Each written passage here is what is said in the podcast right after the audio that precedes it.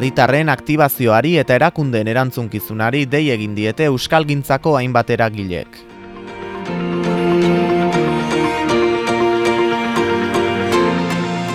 Bilboko Jon Jauregian egin duten prentxaurrekoan egon dira Euskararen gizarte erakunden kontseilua, Euskaraldia, Topagunea, Herrigora, Durangoko Azoka, Euskal Herriko ikastolen elkartea eta AEK eragileak. Oro bat, herritarrek Euskararen aldeko ekimenetan parte hartu dezaten eskatu dute.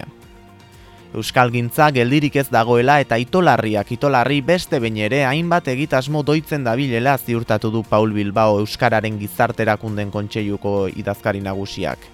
Alaber, egungo egoeran Euskarak herriaren eta erakunden laguntza inoiz baino gehiago behar duela gogorarazi du.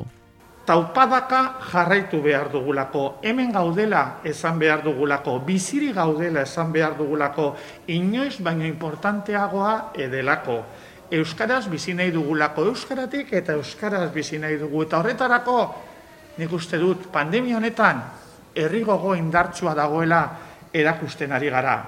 Eta horregatik, bigarren olatu honetan ere, denon babesa ezinbestekoa da. Herritarrena eta erakundeena. Eta herritarrok ere, badugu babes hori nola erakutsi. Besteak beste, Euskalgintzak abian dituen eta abian jarriko dituen proiektuetan parte hartuz. Ateioka da bilen Euskaraldia da, horren adibidetako bat. Kike Amonarriz topaguneko lendakariak Euskaraldian izena eman eta hau bizi edo belarri presgisa jokatzera deitu ditu herritarrak. Horrez gain Euskararen egoera larria zoartarazi du eta herritarrei Euskararen aldeko jarrera aktiboari eutxi diezaioten eskatu die. Euskararen zat inoiz ez da bolada erresik izan gure historian euskaldunoi maiz gertatuko zaigu ohiko oztopoei zailtasun erantziak gehitzea. Debekuei eta jazarpenei egin diegu aurre, gerrak, diktadurak eta ere guztietako krisien eraginak nozitu ditugu. Eta beti atera gara aurrera. Beti egondelako, euskara hitz egiten jarraitu nahi izan duen herri bat. Hizkuntzaren aldeko jarrera aktiboa izan duten herritarrak eta egorari zailenetan ere euskarari etorkizun hobea eskaini nahi izan diotenak. Neurri zehatzak hartzen ezpadira eta euskaldunok ezpadiago euskarari eusten joera hoiek hizkuntza hegemonikoen alde egingo dute eta hizkuntza hegemonikoak indartzera joko dute. Egoera honetan euskararen alde jokatzea bestalde bada komunitatearen alde jokatzea. Hau da, hezkuntza inklusiboaren alde egitea, gertuko komertzioa eta sortzaileak babestea esate baterako. Euskeraz egin eta euskeraren alde egotea denon geroa eraikitzea baita.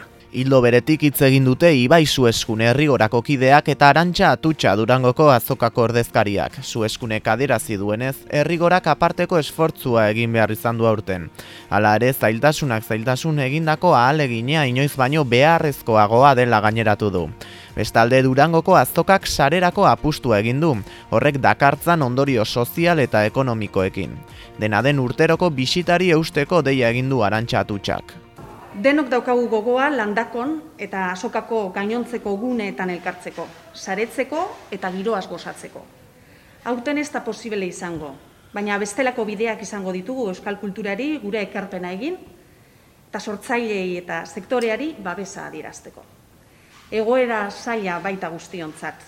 Lehenengo liburua idatzi duen idazle gaztearentzako, aurreneko maketa kaleratu duen musika taldearentzako, autoekoizleentzako, argitaletxe eta diskoetzentzako.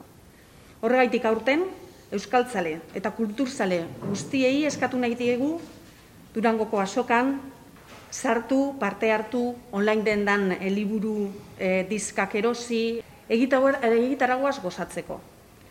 Asoka beste modu batera bizitzeko, alegia. Izan ere, guztion taupada beharrezkoa izango da euskal kulturaren taupada bizirik mantentzeko.